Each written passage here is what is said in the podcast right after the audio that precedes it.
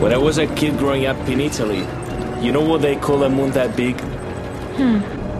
La luna del cacciatore. La luna del cacciatore. Brava. What's that? Hunter's moon.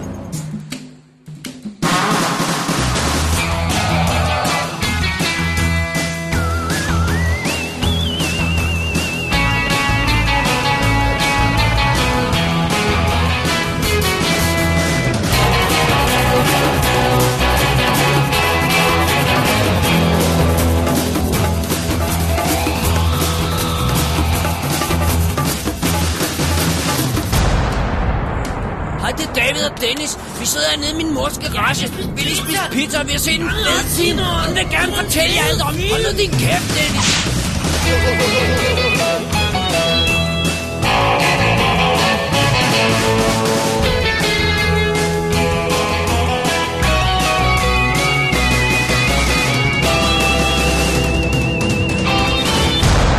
Definitive DVD Podcast. Velkommen til WD's Definitive DVD podcast, episode nummer 166, La Luna del Cacciatore. Cacciatore. Mit navn er Dennis Rosenfeldt, og foran mig sidder, David Bjerre. og i dag har jeg altså formastet mig ud i at se noget øh, teenage-romantik, og så også noget voksen-romantik. Ah, Og du har set øh, film om en film, som aldrig blev til noget, så den findes jo ikke rigtigt. altså Og- filmen, om filmen blev til noget, men, men, ikke selve filmen, filmen som den filmen handler om, så den præcis. findes jo ikke. det er det. Så til gengæld, så har du også set noget med myrer. Og øh, så ser vi begge to meget mærkelige fortsættelsesfilm toere. Ja, min er i hvert fald mærkelig. Din også? Det finder jeg jo ud af. Okay. Det kan jeg ikke lige afsløre på stående. Okay. Jamen, øh, det er vel det. Det er vel det. Vi har ikke så meget øh, sådan noget podcast, øh, oprydningsstof og sådan noget, så vi, i virkeligheden skal vi jo bare kaste os over øh, ugens anmeldelser af film og, og godter. Og vi starter med en lille bunch af ting, der alt sammen er noget øhm, øh, romantik, øh, let ungdomsfilm, halløj. Right? Jo, det er rigtigt. Okay. Mm-hmm. Kom her. Ja. You know, when you get sick, you think about your life and how you're going to be remembered. You know what I realize will happen when I go? 10% fall in share prices. Maybe 12. That's it. I've heard this speech before. My dad broke his leg 700 feet from the summit of Mount Rainier. He was like you. He wouldn't go back or let us stop. We reached the top, and he opened a bottle of champagne. I had my first drink with my dad at 14,400 feet. On the way down, he developed a blood clot in his leg that traveled to his lung. He suffered for four hours before dying 20 minutes from the base. You think that's the last thing your dad remembers? The pain? Or drinking champagne with his daughter 14,000 feet in the air? Så er vi tilbage, og øh, den første fortsættelsesfilm i fra stakken, det er dig, der har set den, og det er jo altså ikke så lang tid siden, du anmeldte etteren. Det er sandt. Dennis, jeg har fat i Honey, I Blew Up the Kid fra 1992. Ja. Fordi jeg tænkte, nu har vi anmeldt Honey, I Shrunk the Kids i... Var, var det så sent som i sidste uge? Det var det. Okay. så jeg tænkte, jeg skal godt få, få toeren med, ikke? Jo, Jeg det er klart. skal nok holde Stopper du så her, eller? Jeg skal nok holde mig på træeren og, Og og, serien. tv-serien, ja. Bare rolig. Jo. jeg vil gerne høre dig lide igen. I'm sure you would. øhm, den er instrueret, toeren her, altså af øh, Randall Kleiser. Og det var altså ham, der lavede Grease i 78, The Blue Lagoon i 80, Flight of the Navigator i 86, Yes. Big Top Pee Wee i 88, og så har han ellers bare øh, lavet trash og tv-serier og sådan noget. Han har sidst set på det store lærred, øh, hvis den der nåede så langt, med sådan noget som Love Wrecked fra 2005 med Amanda Bynes. Ja, og han er også, så også blevet director for Hire på den her, for der er jo ingen grund til, at en gut som ham skulle lave Den her. Honey, I Blew Up the Kid. Ne? Nej. Alright, uh, Rick Ro- M- Moranis er tilbage med uh, som Wayne uh, Selinsky, den sk- skøre opfinder for den her Selinsky-familie, og øh, det er jo sådan noget med, at øh, når vi har jo, øh, som vi i den første film, vi har den, den sønnen, og så har vi den lidt større datter, og naboerne, dem skal vi ikke have med i den her historie, så de er ude. Og så har vi konen, og, og, øh, og det er det, ikke? Jo. Og så har de i mellemtiden også fået en baby, fordi det, det skal vi jo også bruge til noget her i den her historie. Mm. Øh, og så er det jo simpelthen sådan, at de har ikke rigtig kunne finde noget at lave til datteren, så hun bliver sendt på college i første scene. Og, øh, og så, Det lyder allerede virkelig godt. så er moren også ude af historien en god del af tiden. Så det vi har, det er, at vi har skør opfinderfar, den nu voksne søn, og så har vi babyen. Ja. Og de havner så i problemer, fordi at de tager hen på besøg på øh, Wayne Zelinskis arbejde. Han har fået, han har solgt sit, sin formindskelsesmaskine fra den første film. Det er klart. Har han solgt til et stort, ondt firma, meget ondt firma. Ja, ja, ja. Og der sker selvfølgelig hverken værre eller bedre, som vi siger. Det at øh, hans lille baby kravler ind i strålen, øh, mens han eksperimenterer med at forstørre noget, og bliver ramt af den her forstørrelsesstråle. Så blew up the kid betyder altså forstørret knægten. Ja. Ikke, ikke, Ikke sådan springe helt eksploderet, heldigvis da. Ja, det ville have været en bedre film.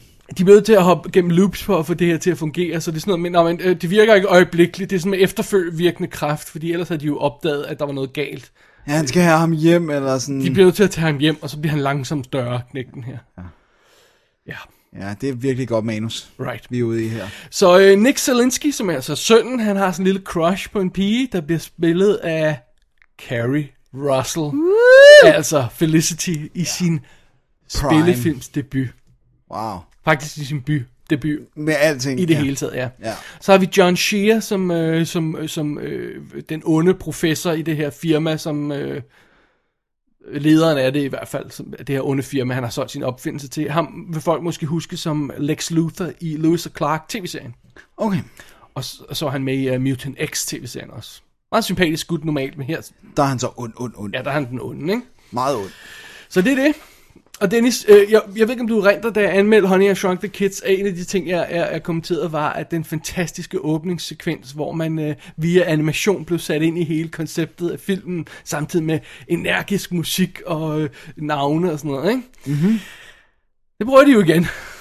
Så okay. det vi har er nu en, øh, en, en, en animeret introsekvens med en besynderlig halvgammeldags tegnestil, og så et underligt langsomt musiknummer, der ikke rigtig passer til.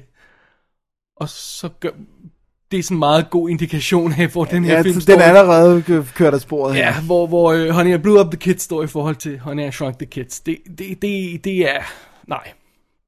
Det er ikke godt. Fordi i sagens natur kan man jo ikke lave den samme historie igen. Nej, det, Vel. det bliver lidt kedeligt. Man kan ikke lave nogle børn, der tilfældigvis bliver formindsket igen.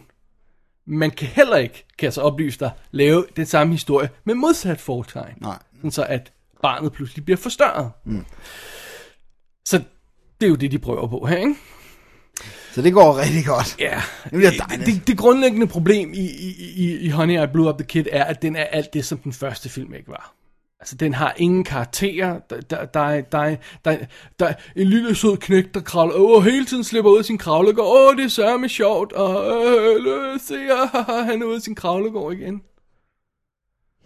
Okay, og, that's, og så har vi hele den her, hele den her familie, som nu pludselig er wholesome, ikke?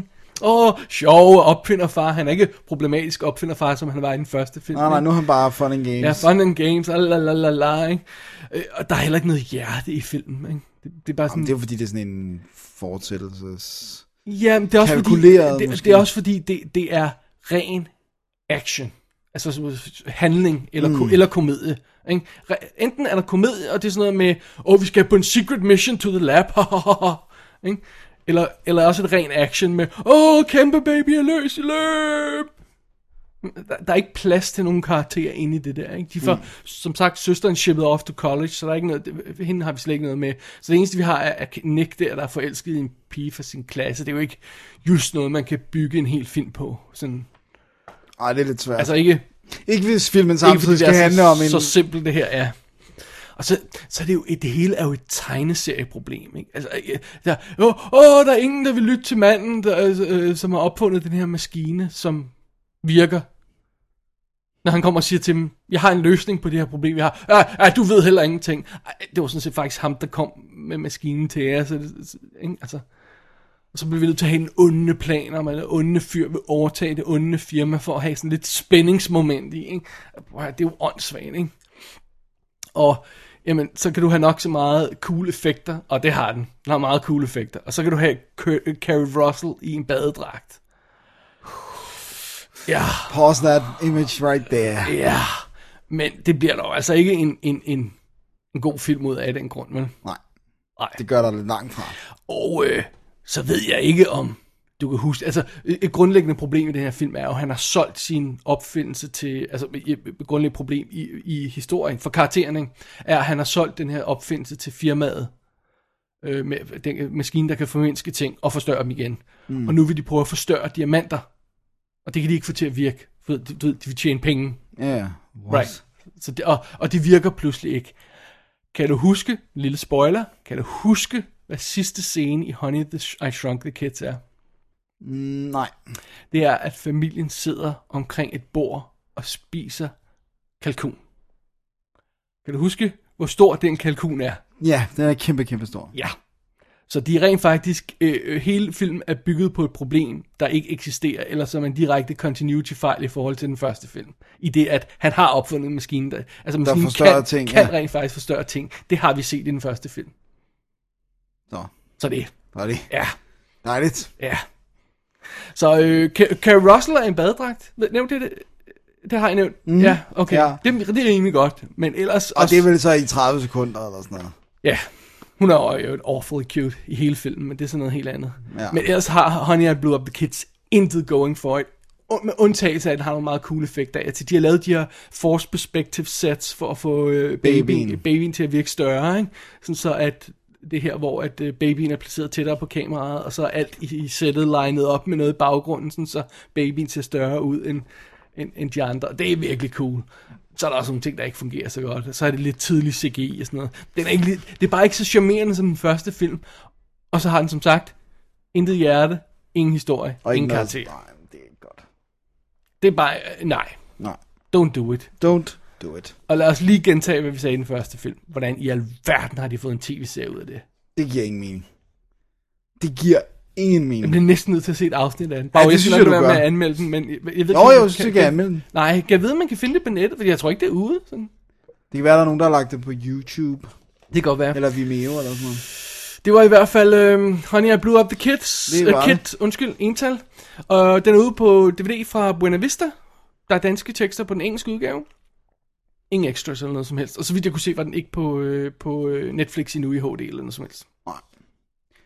Så det. Det lyder heller ikke som om, det var så nødvendigt. Jeg tror, vi siger pass herfra, ikke? Ja, Okay. det lyder sådan. Nej. Det er godt. Har du mere? Det har jeg. Fordi jeg har set film også. Hvad har du set, Dennis? Jeg har set en film, som jeg godt sådan kan afsløre, at vi vist begge to rimelig godt kan lide. Ja. For jeg har set ungdomsfilm, jeg har set 10 Things I Hate About You. Det eneste har vi anmeldt. Ja, men det var en meget kort uh, Heath Ledger er død. Uh, vi skal lige catch up på nogle af de der ting. Anmeldelser. Hvor lang tid er det siden så? 2008? Spørger du mig, eller siger du? Ja, med, fordi Dark Knight er 2008, ikke? Købt? Ja. Øh, og det var det år. Så, øh, så det er også ved at være 6 år siden. Wow. Jeez. Puh, lad os lige pause der. Puh. Nå, Okay. men øh, på det her tidspunkt i 1999 var han jo heldigvis meget i live. Og øh, klar til at være med i den her opdaterede udgave af øh, Trold Katemis, eller Taming of the Shrew, altså Shakespeares øh, stykke. Og vi øh, følger ganske simpelt øh, øh, nogle unge mennesker, der går på high school. Vi har Cameron, spillet af Joseph Gordon-Levitt. Ah, Joe Golev. I, I en meget, meget ung rolle, som er en ny elev. Oh my god, der er tøj til, øh, til, til Batman. Gud ja, han er med i træerne. Ja. Godt. Sorry. Uh, anyway, han er ny på den her skole, og han får, uh, han får en tur af skolen af Michael, spillet af David Krumholtz, også i en meget ung udgave. Altså fra Numbers. Ja. Øh, og, Og Harold Harold, Harold. Kumar, øh, som er en af nørderne, og derfor så bliver Cameron, han ender jo så per automatik i en lidt uheldig klike, men til gengæld ved Michael alt om skolen. Og øh, Cameron, han bliver forelsket i Bianca, spillet af Larissa Olenek, øh, som er en smuk ung pige, som kan få alt, hvad hun peger på, bortset fra, at hendes far, som er enlig far til hende og hendes øh, storesøster, Kat, spillet af Julia Stiles, Yes. er meget, skal vi ikke bare sige overbeskyttende, Ja. og ikke vil lade hende date, før at storsøsteren dater. Og uh, Julia Stiles karakter er altså, skal vi ikke bare sige en vred ung dame, ikke? Som ikke kan, altså, du ved, brokker sig hele tiden i engelskundervisning. Alle mænd er nogle misogynister, og hun synes bare, at de skal læse noget Sylvia Plath, og alle mænd skal dø. Ja. Så der er ret lange udsigter til, at Bianca hun kan komme på, på date med Cameron, så han udklækker en plan og få en dum fyr på skolen, som har mange penge til at betale Heath Ledger, som altså er en øh, australsk fyr, som går på skolen, som alle er sådan lidt bange for, at der går de vildeste rygter om, men ingen ved jo noget som helst. Nej, Han var i fængsel hele sidste år, og Uden en kat eller sådan noget. Var det ikke noget med det? Ja, jo, så, du ved, at spist et eller andet dyrt levende, og altså, du ved, alt muligt. Betal ham for at prøve at overbevise Kat om, at hun skal gå på dates, og så kan Bianca jo også gøre det. Og det er sådan setupet, at, at, øh, at øh, Patrick, som øh, Heath Ledgers ro- rolle hedder, Patrick Verona, øh, han, skal, han skal få omvendt Julia Stiles, og det er sådan setupet, ikke? Så øh, afsæt søsteren for at komme på, på date med, med den hotte chick. Ja. That's it.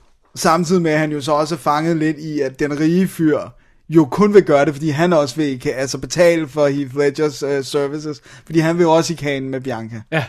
Så det, det er lige pludselig er der flere, der kæmper om- om Bianca, og så har vi Kat, der skal omvende sig Heath. Ja. Det er... Det er 10 Things I Hate About You. Ja. Og Hvorfor er det egentlig, det hedder det? Fordi det, det, er jo lidt spoiler, men det, der, der er et digt, der dukker op på et tidspunkt, som er de 10 ting, øh, som en person hader ved en anden. Er, er der 10 der? Ja, Okay. Men er det bare derfor, den hedder det? ja, Okay. det tror jeg. Det er ikke forbundet til Shakespeare?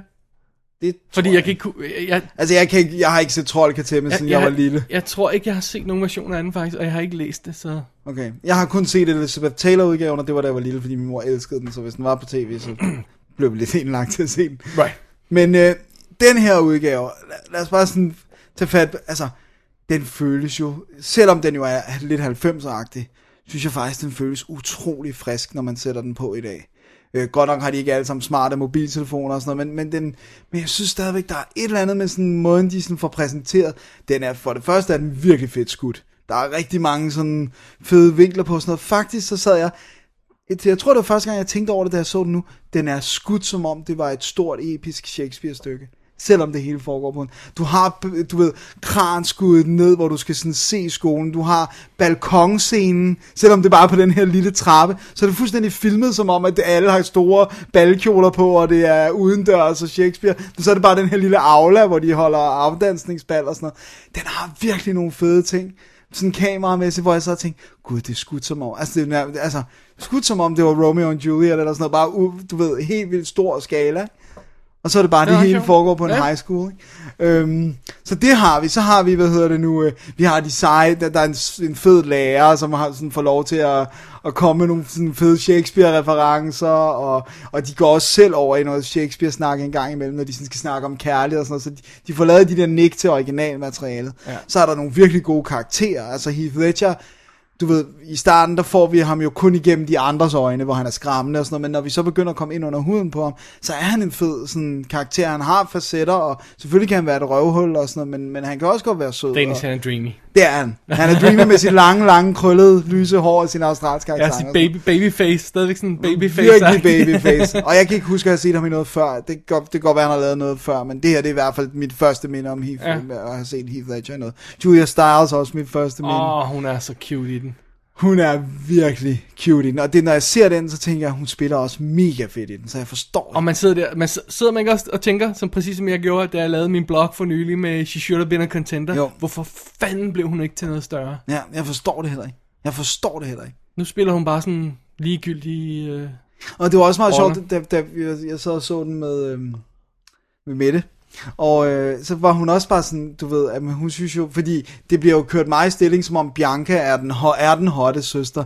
Men hun så også bare sådan, men, men hende der, Julia Stiles, er jo meget pænere end den anden. Ja. Den anden er sådan lidt forglemmelig, men Julia Stiles har et eller andet, der brænder igennem. Og hun er, altså, cute. er, er, er, det ikke, er det ikke samme som i, altså, i, uh, i, i Star Wars med, at Luke Skywalker skal være helten, men alle sammen hellere være han solo, fordi han er the bad boy? Altså, er det ikke bare det, det der så vanlige med, at den, den, fi, den, den perfekte er faktisk ikke så spændende som den, den, den løsluppende? Eller og så har han solo, han har ledervest. Well, that's, there's that.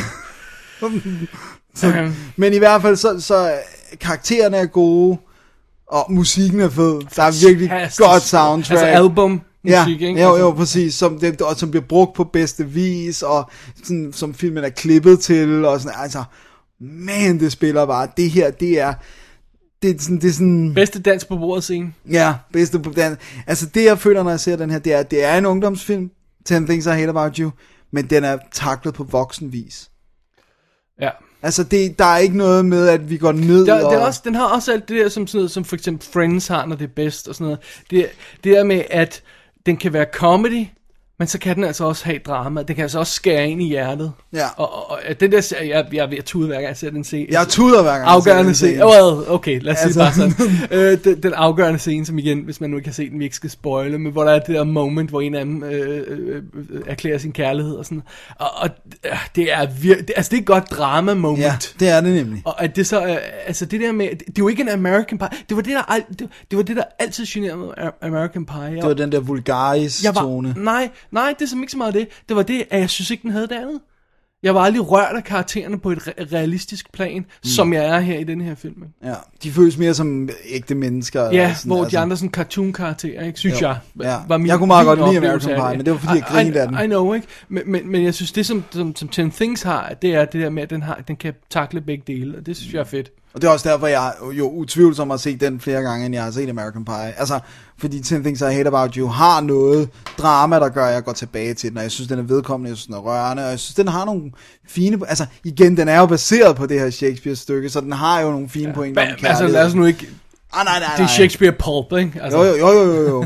Men der er stadigvæk nogle af de ting, den konkluderer omkring kærlighed, og sådan, synes jeg egentlig er meget fint. Og, og, og så faren er også bare skidegod. Der er virkelig, han har de sjoveste replikker.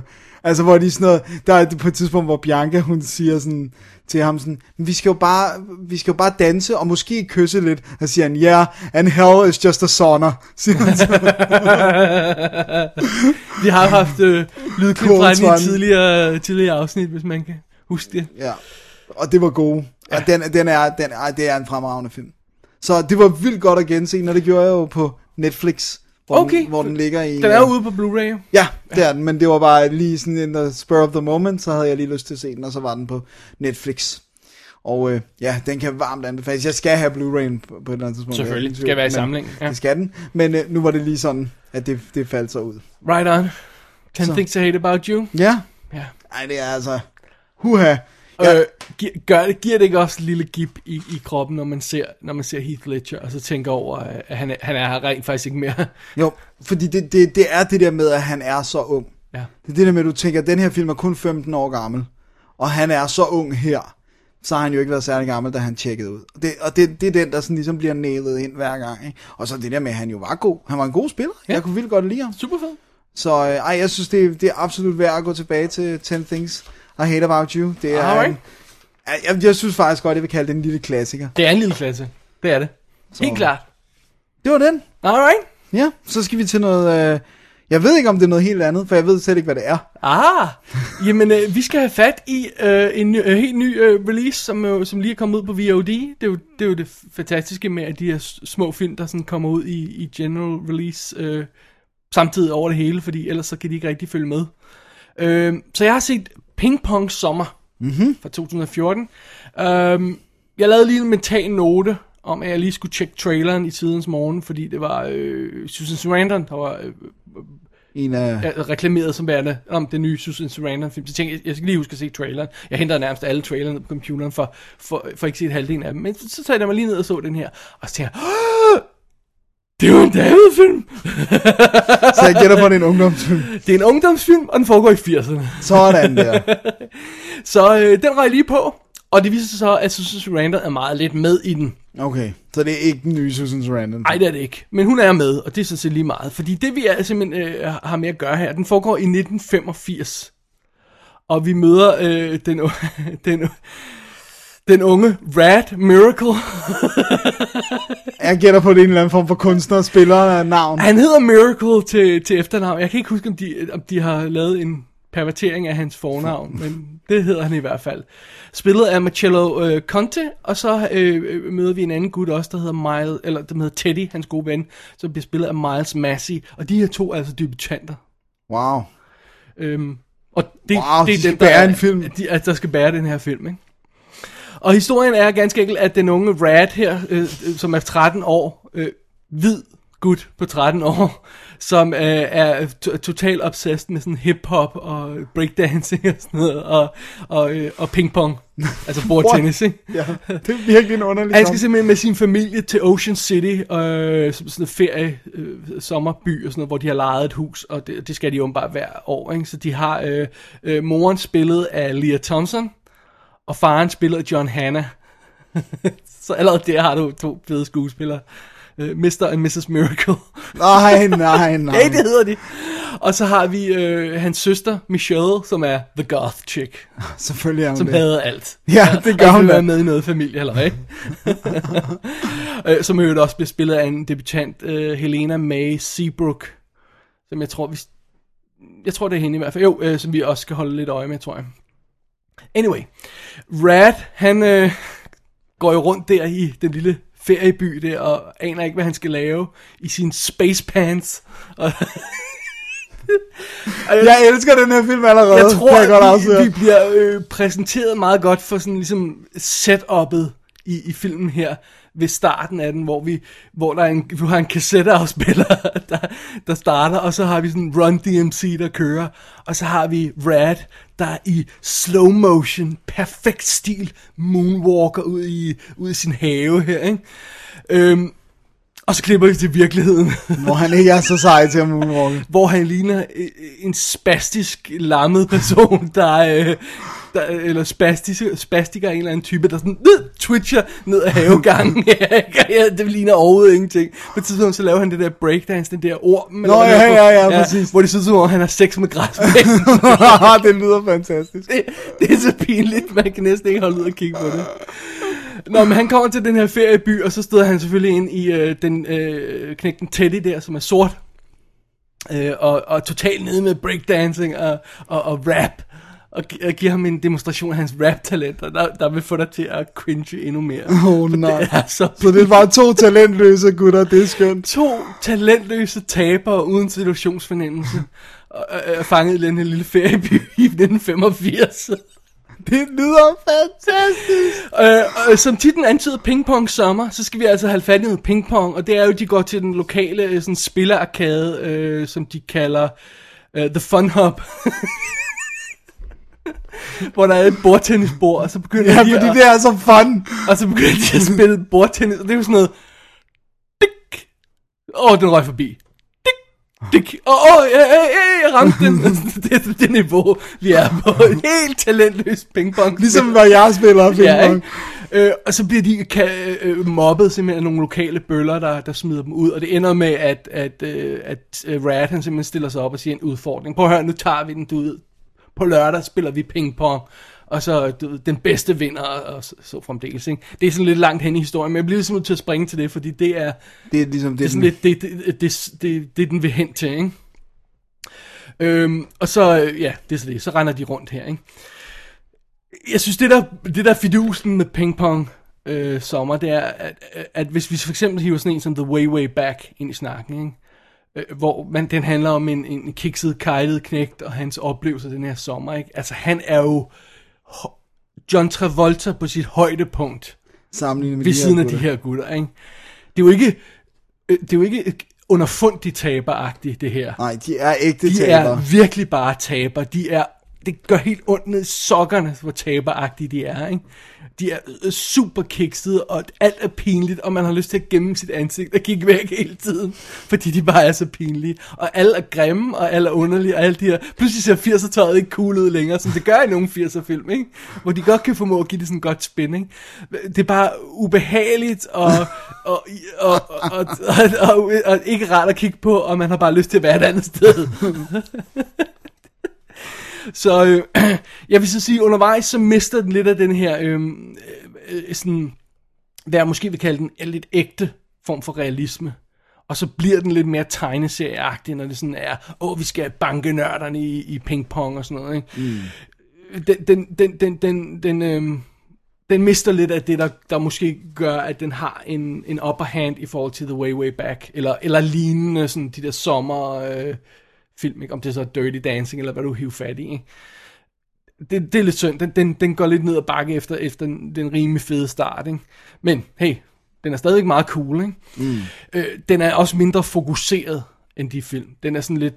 Øh, altså, øh, kender du det der med, at, at, at, at nogle af de her film, som for eksempel Dirty Dancing eller The Way Way Back, de føles som en film, der handler om sommeren. Ja, som vendte alt, og som definerede, og... Det her, det føles som en sommer. Ja, okay. Ikke sommeren. Og det er sådan lidt...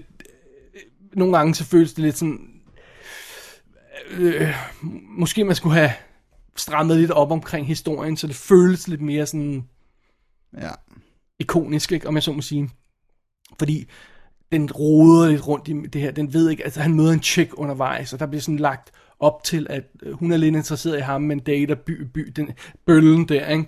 Og, og der kommer sådan et connection der, men så får filmen ikke rigtig noget ud af det alligevel. Og så er den hele tiden fokuseret på det her pingpong noget undervejs også, ikke? Hvor, hvor, så, det, det er meget sjovt, altså enten så skulle den næsten have, have, have gjort ham til en, der rent faktisk kunne spille pingpong. Det er sådan lidt underligt, at det hele kommer til at handle om pingpong, når han ikke kan spille pingpong.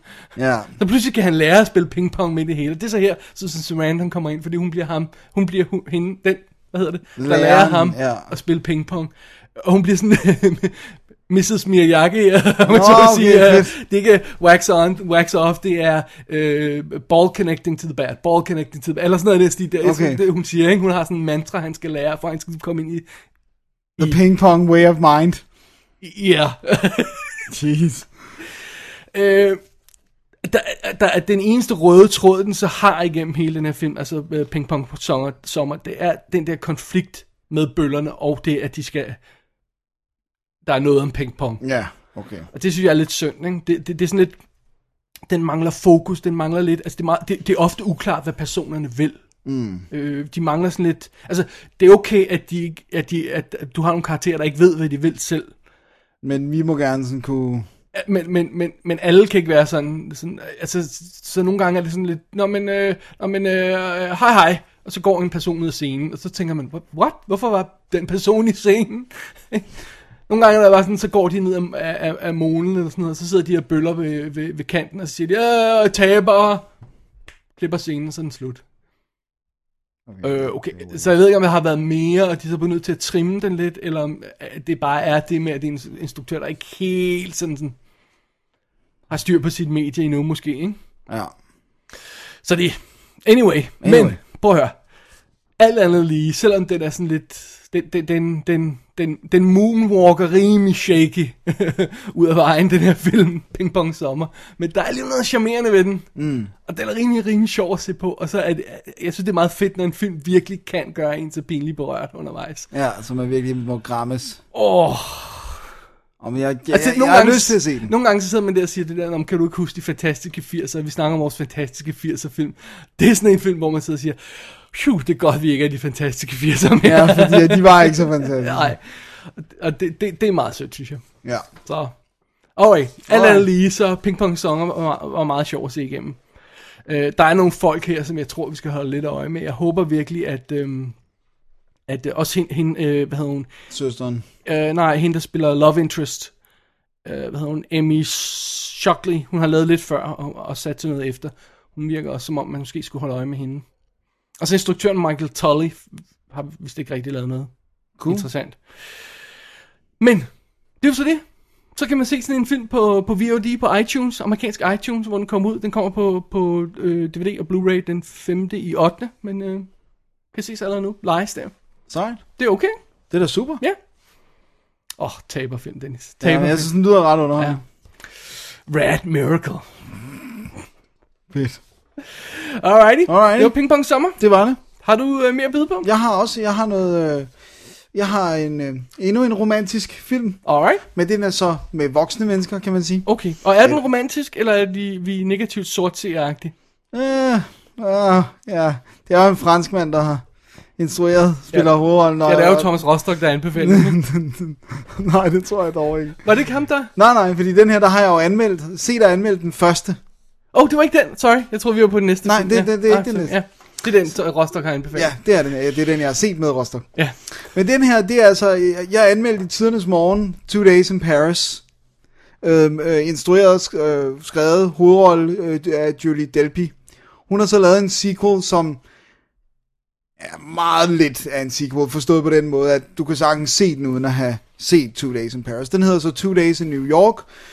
Var hun inspireret af Before Midnight, uh, Sikkert. Sunrise, Sikkert. Sunset, Ellers var hun inspireret af pengene eller et eller andet. Men øh, hun spiller altså den samme... Hun så ikke har lavet Avengers eller sådan noget. Jo, måske. Hun, hun øh, hvad hedder det nu, spiller den samme rolle, Marion, i, eller Marion, eller hvordan du nu vil sige det. I den første film, der er hun jo kæreste med... Øhm, Adam åh, Goldberg. Ja, tak. Jeg var lige ved at kalde ham Brody, det hedder han, ikke? Øh, og øhm, og det, den her film, den starter så ligesom med ganske hurtigt at fortælle, de er ikke sammen mere, men de nåede at få et barn. Og de, de kunne ikke holde og sådan noget. Og nu har hun en ny kæreste, Minkus, øh, spillet af Chris Rock, som også har en datter fra et øh, tidligere forhold. Og øhm, But, but, but, but, but, why? he's black. He's black. Yes, you are. Øh, Og de har et, okay. De bor sammen, og de har så, hun har så bare sit barn meget af tiden, øh, men han har sådan et, øh, du ved, at moren også skal se hans, øh, hans datter. Og så øh, det der så sker, det er, at, hende, at Mar- Marians far, søster og søsters kæreste kommer på ferie fra Frankrig og skal alle sammen bo i lejligheden, og så bare de forviklinger, der udvikler sig over de to dage, som de er i lejligheden. Det er sådan setupet, ikke? Og jeg vil sige, hvis mm. den starter ud helt vildt godt. For det første spiller Chris Rock ikke på den der Chris Rock måde. Han er meget mere afdæmpet. Han også, hun har givet ham en helt anden stil, altså med sådan, du ved, han har sådan nogle sådan lidt intellektuelle briller, han har sådan, han har sådan skæg på første gang, jeg har set ham på sådan en, du ved, hvor han ser sådan voksen ud, og han klæder sig ikke som et lille barn, og sådan, og du ved, og, og han, er, han er radiovært på sådan et snakke radioprogram, ikke bare sådan et, du ved, altså, han har fået lov til at have sådan en lidt anden rolle, og, og relationen mellem ham og Julie Delpy giver god mening, og de virker forelskede og sådan noget, og så det starter helt vildt godt, og den starter også ud med at være helt vildt sjov. Altså virkelig sådan, hvor med, altså, vi grinede helt vildt meget, da vi så den til at starte med. Og så ankommer familien, og det er også sjovt, og det er sådan, du ved, og så lige pludselig bliver den bare mørkere og mørkere. Og så, er vi, så på et tidspunkt, så er der sådan en scene, hvor at Chris Rock, han er ved at få det er en stor chance for at møde Obama, eller komme til en pressekonference som radiovært, og du ved, han er jo sådan, jeg er sort, og Obama, det betyder noget, og alt det her.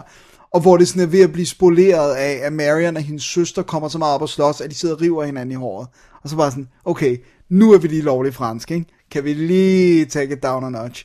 Og sådan, og sådan helt vildt karikeret sådan noget med, at øh, søsteren og hendes kæreste, de skal selvfølgelig have weed, fordi de er in America, we must smoke the weed of the Americans, og sådan noget. Bare sådan lidt, åh, skal vi gå derhen? Skal det blive så plat? Og så, åh, nu er de jo sultne, fordi de har røget, og så skal de ned og have en pizza, og sådan, det er bare sådan lidt, oh, så bliver det klichéernes holdeplads, ikke? Både om franskmænd og sådan Og det er helt vildt sjovt i starten, sådan noget med, at faren har prøvet at smule sådan noget 20 pund pølser ind i USA, fordi han er jo franskmand, og tror måske ikke, at de har gode sausage i Amerika og sådan noget. Og hvor de sådan, har du øh, pølser nogle andre steder, sådan der, og så må han jo så også hive en op af bukserne, og ind på det der tolvkontor, hvor de bare sidder og kigger på. Men det er sådan ligesom om på et tidspunkt, så vipper det over, og bliver sådan ondsindet og holder op med at være sjov, fordi det, sådan, det går ud over Chris Rock, det går ud over deres liv, øh, det hele bliver sådan smadret, hvor man bare sidder og siger, du vil jo smide de her mennesker ud. Du vil jo sige skrid. Altså, og så faren, der sådan går og ikke snakker noget engelsk, og sådan, det er lidt sjovt i starten, men så bliver det også bare sådan, du taler fransk til alle, du må sgu da kunne regne ud, at der ikke er nogen her, der kan fransk, andet end din datter. Det er jo ikke, altså, du ved, det er ikke sådan, og, og det er sådan, bare fordi han, man ikke... Faldt ta- på. Ja, også fordi bare det, du ikke taler sproget, gør dig jo ikke retarderet, men han begynder at gøre ting, sådan du ved, han, han, de skal ned og have en massage, og så skal de jo først tage et bad, og, sådan, og så skal de ind og have, så går han bare nøgen fra badet, det er bare sådan lidt, der hænger sådan nogle badekåber og sådan noget, sådan, du ved, bare fordi du ikke taler sproget, så behøver du jo ikke at være fuldstændig hjernedød. Øhm, hvad for en slags film var den første? Nu, det er så lang tid siden, jeg kan ikke huske det. Men det var en, sådan en, det var sådan en ret finurlig komedie, hvor det fungerede rigtig godt med, at der var de jo transplanteret. Der var det jo, øh, hvad hedder det, Goldberg, der var transplanteret fra USA og så til Paris, og familien, der var skør og tosset, og du ved, og sådan... Hendes og, familie. Ja, hendes familie. Ja. Øh, og, og han skal møde dem, og de render rundt i Paris, og det er sådan en fed, en fed setting. Her der får de næsten heller ikke brugt New York. Vi ser Central Park, ja. Og sådan, men, Så, Øh, øh, så, så, så, så det var sådan en love... Var, det, var, de, var de lige mødtes, eller... Det er sådan noget med, det første gang, han skal møde hendes familie. Okay, så det er et kærestepar, hvor han... Han, han, Han har ikke mødt øh, dem før. Og Right, og hvad var, hvad var udgangspunktet her? Det samme? Her der er det, at moren er død, så det er derfor faren, og altså det er noget tid siden, men nu skal faren så komme over og besøge dem, og så har han så taget søsteren og hendes kæreste med. Så det er også sådan det er lidt mere udefinerbart, ikke? Altså i forhold til den første. Og så er det også noget, for eksempel, så, så er det sådan noget med, at hun har, hun er kunstner, hun har taget nogle billeder, de er, bliver udstillet på et galleri, og så er det sådan lidt, så har vi den der følelse af, men hun er ikke særlig god, eller der er i hvert fald ikke rigtig nogen, der vil have det, og så sker der en forvikling, så lige pludselig vil alle have det alligevel, men de synes ikke, det var godt. Nu tror de bare, uden at afsløre noget, men der, de tror, at, at der er en grund til, at de tror, at billederne vil blive værdifulde. Så selvom de synes, det er crap, så vil de lige pludselig gerne købe det. Så er det sådan lidt, men hun er ikke, så hun er ikke god til det, hun laver, og det var heller ikke den fornemmelse, man havde i etteren, så hun også forandrede karaktererne lidt, så lige nu pludselig er hun bare sådan en whiny, talentløs kælling, og det var, det var vildt underligt. Hvad ville der sket, hvis man havde hyret Adam Goldberg igen og, og ført karakteren over? Så det kunne sagtens have lavet sig gøre, det der med at far, altså selvfølgelig så skal han lige, skal Chris Rock jo introduceres for forældrene, eller for faren ja. igen og sådan noget. Men det er det eneste, ellers kunne de sagtens have gjort det. Det er sjovt, ikke? Og det der er underligt, det er, at der er sjove scener i Two Days in New York. Især første halvdel, der er skraldgrinet. Men så bliver den sådan lidt mean, og så er slutningen faktisk ret god. Så det er faktisk, det er øh, fra midten og til slutningen af tredje akt, der fungerer den ikke særlig godt. Men der er de der, der, er de der sjove moments, men Det lyder ikke rigtig som en win. ej, det er altså ikke helt en win. Og jeg synes altså, Two Days in Paris var en var et win. Så, så åh, jeg synes, den er lidt svær. Jeg synes sgu, den er lidt svær. Jeg, jeg, ved, rigtig, jeg ved, hvad hun har tænkt. Ja, det, det er sådan meget underligt. Hun har så ikke skrevet den alene, hun har skrevet den sammen med to af, de, af, af skuespillerne. Øh, hende, der spiller søsteren, og hende, der spiller søsterens kæreste, er begge to med på manus. Og den virker faktisk ufokuseret. Måske hun bare skulle holde sig til det selv, eller I don't know. Alright. Two Days in New York, lidt rodet. Jeg så den danske DVD, som er nede i ingen penge, og øh, som stod, jeg, jeg vil sige, jeg synes stod overraskende pænt for en DVD. Øh, men det er jo nogle gange det der med, når det, hvis det er okay fjernsyn og opkonverteret og sådan noget, så, så kan det jo godt se pænt ud på DVD. Så Ja, ja. og specielt hvis det er en lys. Altså hvis der Ja, er meget, øh, ja, og det er alt nær, nærmest dagscener, ikke? Og, sådan, og jeg, jeg, jeg, synes egentlig, den var meget pænt skudt, og sådan, men jeg synes godt, de kunne have brugt New York lidt mere. Right. Så sådan, ej, den er shaky. Det lyder ikke godt. Nej. Det må jeg sgu indrømme. det, noget af det var, noget af det knap så meget. det kan godt være, at du siger, at Chris Rock, han er, han er, han er anderledes, end han plejer at være, men han er altså godt nok ikke et plus i nogen henseende for mig. Nej. Jeg synes, jeg synes egentlig ikke, han er problemet i den her film. Han er det mindste Fair af nok, problemerne. men det er i hvert fald ikke noget, der, der giver mig lyst til at se den. Nej. Det, det, det, sådan havde jeg det også. Indtil jeg så traileren, som jo så har de sjove scener, hvor jeg bare tænkte, okay, det ser sgu meget sjovt ud. Det var det også, noget af det. Så det, det er en moskéer. Alright. Alright. Okay. Det var vist den sidste i den her stak. Det Ikke jeg- for i dag, men Nej, vi har en uh, stak til, men Ja. uh, lad os lige tage et uh, break først. lad os gøre det. Seven days ago, one of my satellites over Antarctica hunting for mineral deposits discovered a sudden heat bloom beneath the Earth, which outlined this. The red lines indicate solid walls. Through thermal mapping, we've generated a rough three dimensional image of the structure. It's massive, containing hundreds of rooms, all built around a central core. My experts tell me it's a pyramid. What they can't agree on is who built it and when. One expert tells me this has features reminiscent of the Aztecs. Another tells me it's probably Cambodian. What they all agree on is that the smooth side is definitively Egyptian. I think your experts are right. Which one? All of them. Så er vi tilbage, og Ja, den vi. første film i stakken er din, og den havde jeg aldrig hørt om, selvom det er en relativt gammel film.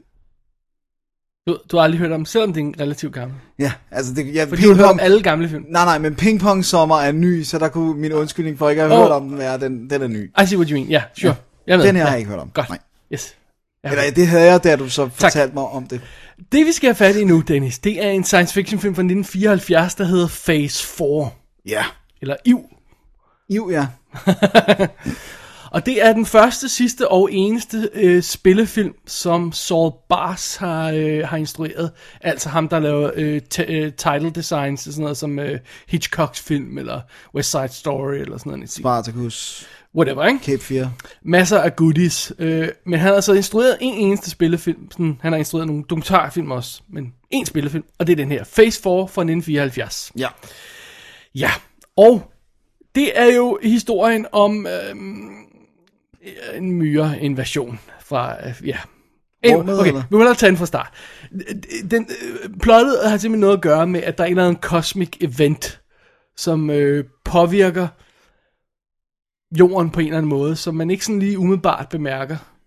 Øhm, faktisk er der ingen, der bemærker det, men det eneste, der bliver sådan rigtig øh, påvirket af det, er myrerne. Mm. Og det, de bliver påvirket af, de begynder pludselig at øh, slå sig sammen, de forskellige myreraser. Og pludselig kan de stå stærkere mod deres naturlige fjender. Og så begynder de at formere sig og blive flere af dem. Der, der bliver flere af dem, ikke? Øh, simpelthen fordi de pludselig nu kan danne fælles front. Ja, ja, makes det, sense. det, det sker alt sammen sådan ganske ubemærket. Øh, øh, bortset fra en forsker, skal jeg lige han hedder, øh, Dr. Ernest Hobbs, spillet af Nigel Davenport, som folk måske kender fra Chariots of Fire, øh, som simpelthen har opdaget, bemærket, at der er den her der, der, der, vil ske noget. En anden Ganske udvikling. ubemærket. Altså forestil dig, hvis myren pludselig begynder at snakke sammen øh, øh, ude i ørkenen, nede på jorden, nede i- under jorden. Og så, så, hvor lang tid vil det gå, før man lader mærke til det? Ikke? Sikkert noget tid. Det er det, ikke? Øh, men han har simpelthen fundet ud af, at der er noget øh, problem, problem der, så han beslutter sig for at undersøge sagen nærmere, så der bliver oprettet sådan en lille forskningsstation med ham, og så en assistent, som bliver spillet af Michael Murphy, som øh, måske de fleste nok kender som borgmesteren i Batman Returns. Han er, her er han jo så relativt ung, vi er i 74, ikke? Øh, han er sådan en computer whiz, han har ikke så meget styr på det der øh, forsker, men han kan analysere data og kan styre computeren og sådan noget, så han kommer med øh, professoren der, ikke? Ja.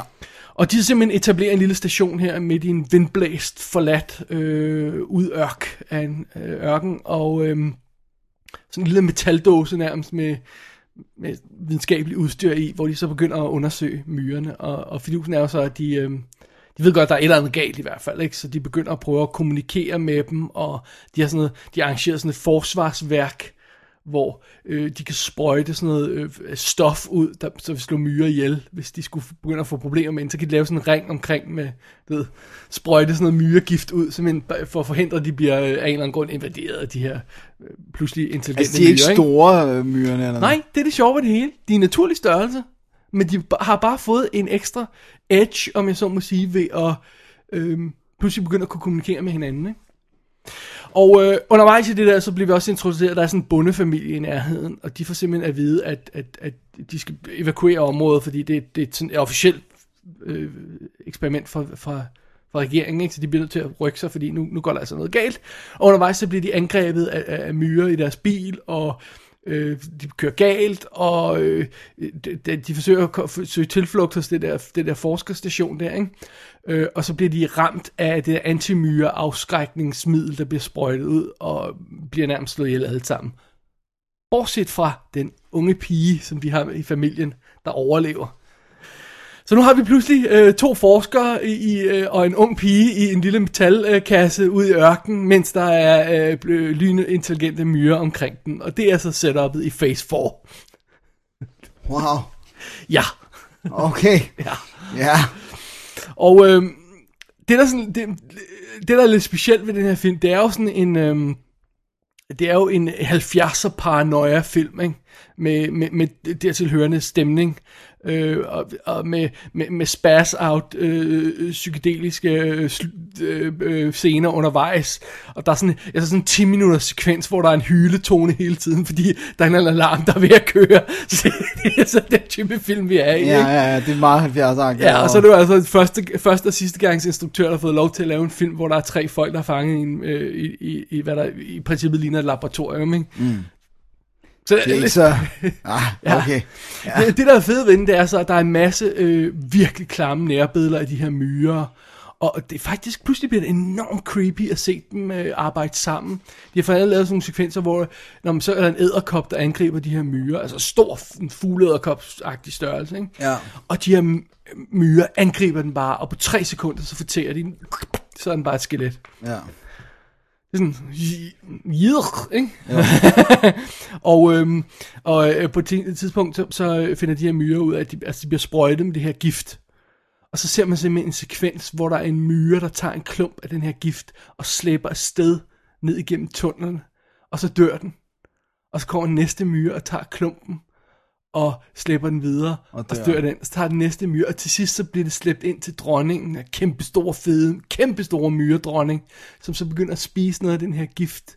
Og så pludselig begynder hun at producere afkom, der i stedet for, hvor de normalt var grønne, de her myrer, så bliver de pludselig gule, som samme farve som det der stof. Så som okay, de er sådan blevet Ja, nu er immune resistente. over for det, ikke?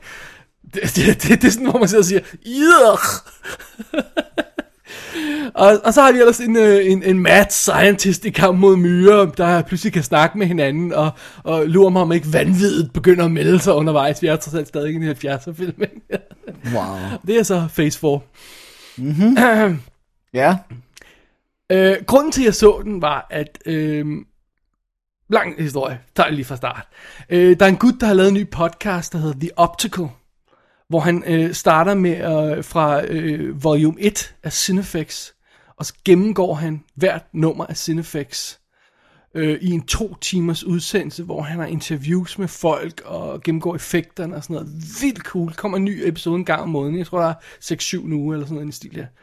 Øhm, og fidusen er i tredje nummer af Cinefix, der skrev de om Phase 4. Og jeg havde aldrig set den. Og jeg har altid været nysgerrig over for den, så jeg tænkte, det er en glimrende en chance for at, for, øh, for at få den set. Øh, så det var derfor, jeg kastede mig over den pludselig. Fordi jeg, jeg hørte de to første episoder af den her podcast, og tænkte, "Øh, nu skal, nu skal vi høre resten her. Ikke? Men man skal lige vide, hvad de snakker om først.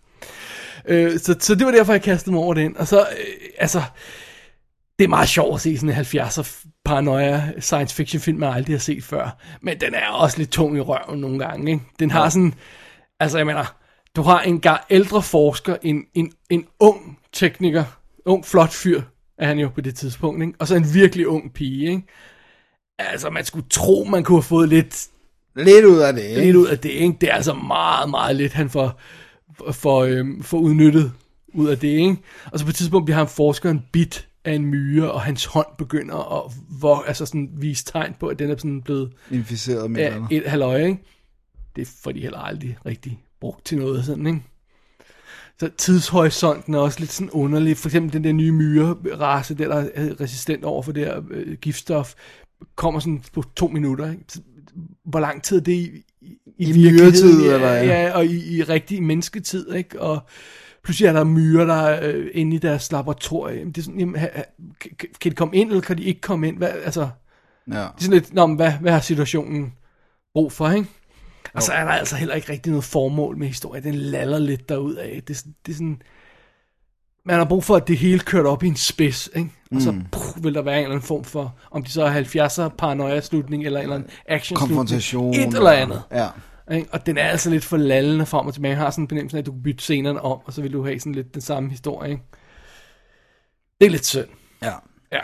Men, til gengæld har Phase 4 myre scener. Mm. Og øh, jeg sad der og se den her film. øh, På det tidspunkt, når jeg så filmen, havde jeg ikke læst artiklen i Cinefix, for jeg tænkte, jeg vil lige se filmen først, fordi der er jo så selvfølgelig spoiler i sådan en artikel der, ikke? Og så satte jeg mig ned og læste den bagefter, og det er insane, de her myrescener. For det første, alle myrescenerne er optaget med rigtige myre. Alle sammen.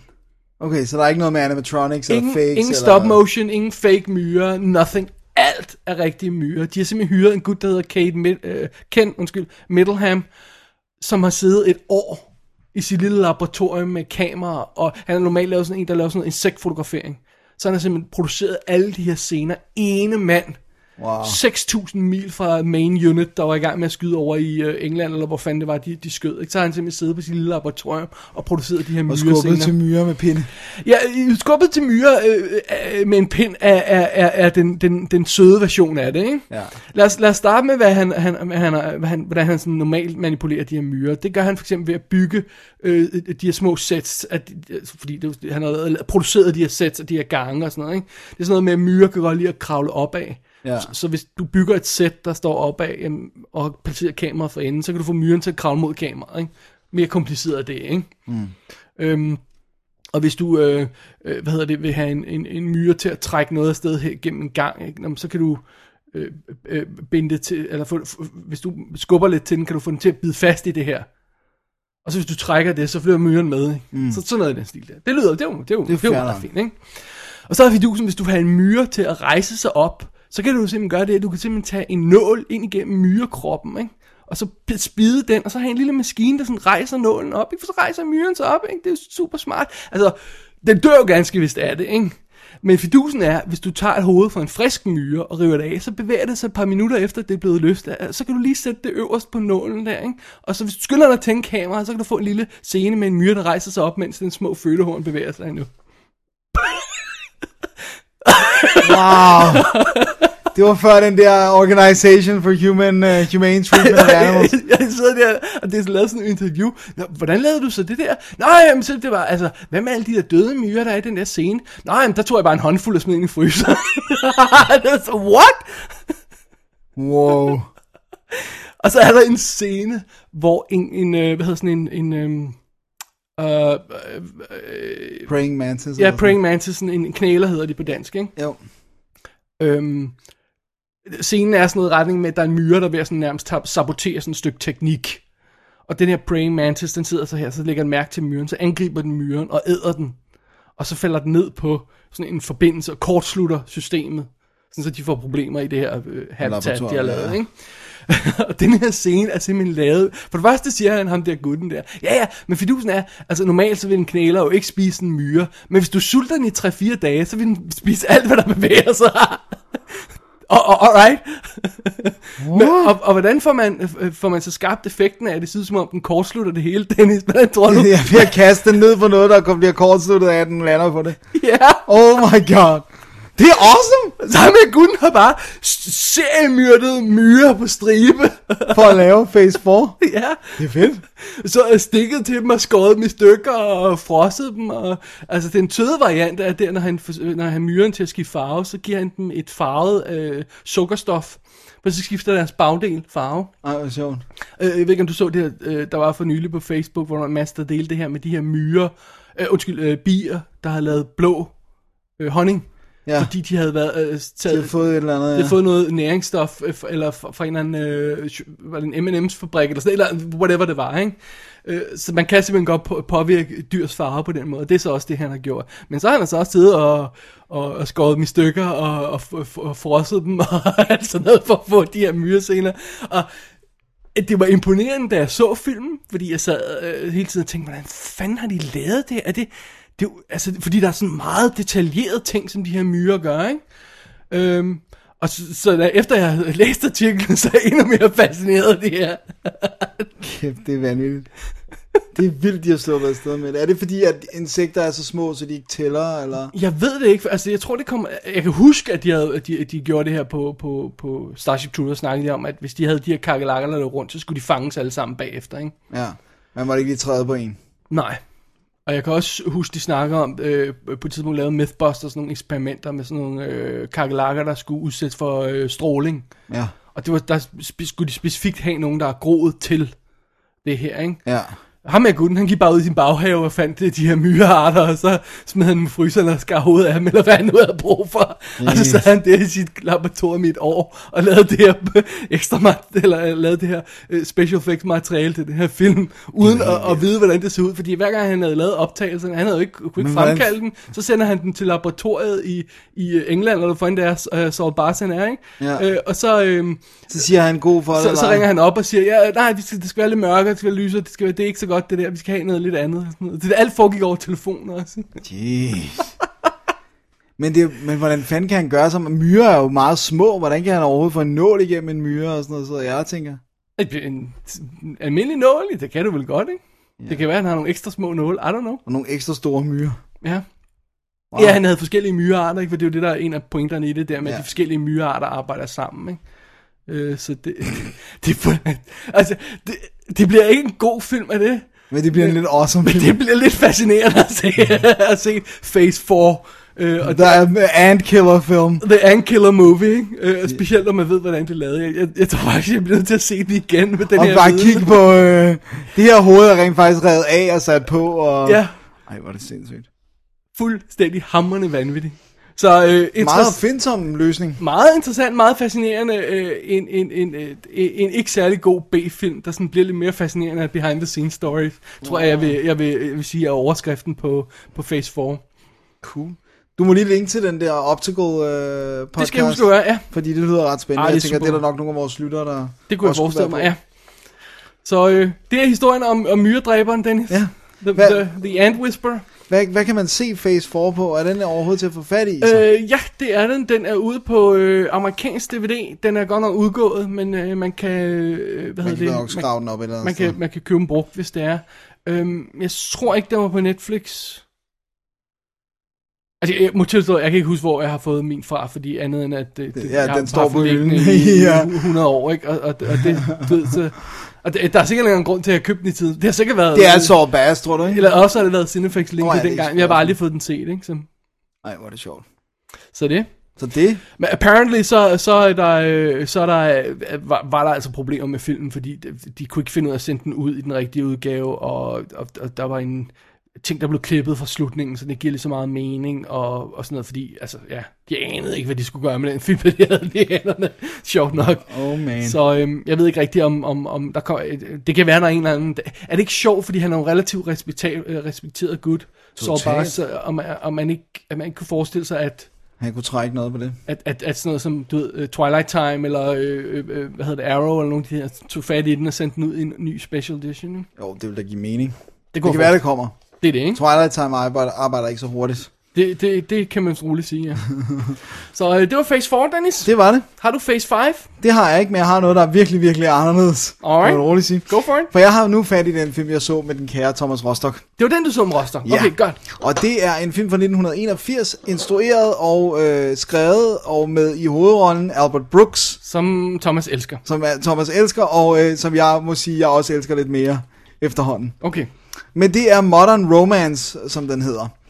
Og øh, Albert Brooks, han spiller hovedrollen i filmen som Robert Cole, som er en øh, klipper i Hollywood. Filmklipper i Hollywood. Alright. Og øh, han er ved at klippe en, øh, en helt øh, ny science fiction film med George Kennedy. Samtidig har han et øh, forhold til en øh, bankkvinde, som er sådan lidt højt op i banken, som hedder Mary, øh, som bliver spillet af Catherine Harold, som er mega hot. 70'er smuk. Ja, virkelig. Åh, oh, oh, dejligt. Og, og nøgen og mm, alt muligt godt. Er hun nøgen i? Ja, That's your lead. Ja, så godt. Men øh, filmen starter med, at øh, de skal ud og spise, og det, er- altså, det er virkelig åbningsscenen, og han, han vil slå op med hende, ikke? Og så da han slår op, så begynder hun at være sådan, det er helt fint, øh, jamen øh, så, så behøver vi heller ikke at se hinanden. Så vent lidt, øh, øh, ej, men, måske var det lidt for hastet, skal vi ikke lige snakke? Så med det samme, at hun sådan accepterer hans breakup, så begynder han at vende. Og så, åh oh nej, og så skal han hen til Klippesweden, hvor at hans assistent, spillet af Bruno Kirby, sidder, og de har nogle fantastiske scener, hvor de snakker sammen om det der med sådan, åh, jeg er helt rundt på gulvet, nu er vi, vi er gået fra hinanden, og nu er jeg forvirret, var det det rigtige? Og Bruno Kirby, han er bare sådan, her er nogle Quaaludes, gå hjem og tag det, men hvad er det? Og, sådan, og så kommer han hjem, og så, han, så tager han selvfølgelig dem alle sammen på en gang. Og så ringer han til Bruno Kirby sådan, I took them. Og så bare sådan, hvor mange tog du? I took them all! Og så, you took them all, kan man så bare høre igennem telefonen. Og så begynder han at gøre alle de forkerte ting. Han begynder at kigge igennem sit Rolodex og finde en eller anden kvinde og ringe til hende og sige, jeg elsker dig jo, skal vi ikke gå på date? Og, og hun var sådan, jeg troede du havde mig. Nej, nej, nej, det er jo helt forkert, jeg elsker dig jo. Og, sådan noget. og så har man, begynder man at have en fornemmelse for stilen, at sådan, så vi har de her klipperumscener, som er hysterisk morsomme, hvor at, øh, hvad hedder? Bruno Kirby og ham, der sidder Ja, og... og så James L. Brooks øh, øh, spiller instruktøren, som kommer ind og som ikke fatter en brik. Som bare sådan lidt, du ved, så lige pludselig, der er jo Altså ikke noget... James L. Brooks, manden, der har instrueret Albert Brooks i Broadcast News. Ja, han spiller en instruktør, som er totalt oblivious. Og så er det sådan, Okay. okay. det er, hvor det er så sjovt, så er der sådan en scene, hvor der er en, der løber igennem øh, det her rumskib. Og så er det sådan noget lidt, jamen han synes, der skal være sådan en lyd af det her. Men sådan, man kan jo se, der er gulvtæppe på i rumskibet. Jamen der skulle være en lyd. Så går de hen til de her lydfolk, øh, Foley-artisterne, Ja. så man kan bare se, de gider bare overhovedet ikke at være der. Og så er det sådan lidt, jamen øh, kan vi ikke prøve at cue The Hulk-lyden? Øh, Hulk løber. Og så, så, så, så bliver der ringet ud, og så bliver der sat lyd på, og så hører man, ser man bare sådan en lille mand, der løber med en kasse på et rumskib, og så er det bare så, Så den har også de her helt vildt sjove movie-making-sekvenser, og så har du bare Albert Brooks, som overhovedet ikke kan finde ud af noget som helst med kærlighed. Og det, det er så sjovt, fordi det gjorde næsten ondt på mig at se den nogle gange. Altså, jeg grinte, men det gjorde også lidt ondt, for jeg kunne godt genkende mig selv lidt for meget i nogle af de her situationer. Så det var sådan lidt, uh, det der, det har jeg også gjort, uh, det der, det har jeg også gjort. Åh, oh, det gør ondt. Det gjorde altså lidt ondt. Og så vil jeg sige, det, det, det, og det var meget sådan noget, som Thomas og jeg snakkede meget om. Den her type film bliver ikke lavet mere. Og jeg ved godt, det lyder som om, det er sådan lidt et grimt ord, når man siger det, men det her, det er det, man bare vil sige, det her det er bare en voksenfilm. Right. Altså det er sådan noget, som, hvor man tænker, selvom den har noget lidt andet, men sådan noget Harold and Maude, eller Terms of Endearment, eller de der, hvor at det er bare mennesker, der snakker om kærlighed og sex, og ikke kan finde ud af det hele, og... Det er, det er sådan noget, du får i indie-film nu om dagen, direct to video, øh, Det er eller du nødt til at få VOD release eller sådan noget. Det, det er der, du finder det. Du finder det ikke i sådan en stor biograffilm, ikke mere. Nej. Du finder ikke sådan et år, hvor øh, pludselig Terms of Endearment eller sådan noget er, er, før, er mest sete film det år, eller var, var det ikke det? Jo, det tror jeg, Ja. var virkelig... Øh, Øh, det, eller, øh, ja, så det gør du bare ikke. nej. Og, Different time. og det er bare, det er så weird, fordi at, at det er bare, altså, det er virkelig godt skruet sammen. Og det er, altså, det er jo, det er jo en komedie, men det er, drama, det, det er et drama, der er sjovt, ikke? Og han er så god, Albert Brooks. Jeg synes virkelig, han er fantastisk. Også det der, når han skal spille påvirket af de her piller, og hvor han er kommet til at tage dem alle sammen. Og så selvfølgelig, hende her, der var jo en grund til, at han ikke kunne fordrage hende. Så da han så skal på date med hende i ædru tilstand, det er så kikset. Og, eller de her scener, hvor han bare bliver ved med at køre forbi ekskærestens hus, og kigge ind, er der nu nogen, og er hun på dates? Og der var så mange pinlige scener i den. Så sad. Det var en sindssygt god film, Modern Romance. Og, altså, jeg, kan, jeg, vil ønske, der var en eller anden special edition med alt muligt, men der er kun den amerikanske, der er ikke engang en europæisk, der er en amerikansk DVD, som er totalt bare bones, og som overhovedet ikke er restaureret eller noget, og den er skudt på film, og den er skudt ret interessant. Selvfølgelig er en skud på film. Ja, ja, ja, men du ved. Men, men øh, øh, øh, hvor ligger det? Jeg, har- jeg har ikke særlig meget styr på Albert Brooks' CV. Øh, Hvornår bliver han sådan en, man kender? Sådan, er det ikke sådan i midten af 70'erne eller sådan noget? I have no idea. Jeg er heller ikke, jeg er ikke, jeg er ikke sådan nede med ham, men, men, men jeg tror, den her... Broadcast News elsker jeg, men den er fra 87, ikke? Så, Jo, jo. Hvis jeg ikke husker meget galt. Og jeg, jeg tror, det, det, altså den her, den er sådan, øhm, den er rimelig tidligt i hans instruktørkarriere, så right. Jeg husker sådan, og, øh, og den var sådan en rimelig stort hit for sin tid, og Stanley Kubrick var ude og sige, at han synes, det var en fantastisk film. Aldrig hørt om den før. Men det havde jeg heller ikke. Men det, So goes. det, men det er meget sjovt, at det der med, Albert Brooks har, har sagt, fortalt den her historie om, hvordan Kubrick ringede til ham, efter at have set den, og så har han bare sagt, How did you make this movie? I've always wanted to make a movie about jealousy. Altså det der med, fordi Ja. det hele handler bare om den her mand, der i virkeligheden bare er så jaloux, så han smadrer alting på sin vej. Jeg går altid de her rygter om, at Kubrick han ringede til folk uh, se, i sene nattetimer og snakkede i tre ti- øh, timer om, om deres film eller et eller andet. Ja, Kubrick måtte også gerne have ringet til mig i de senere timer. Så kunne jeg have sagt til ham, den der 2001, den måtte godt have været lidt mindre Der skal kedelig. lidt mere sex og volley. Men Modern Romance af Albert Brooks, wow, jeg vil gerne have en Blu-ray af den. Men som det er, så må man nøjes med den uh, amerikanske DVD, som, uh, som trods alt er der. For det var godt nok en god film. Too bad, so sad. Yeah.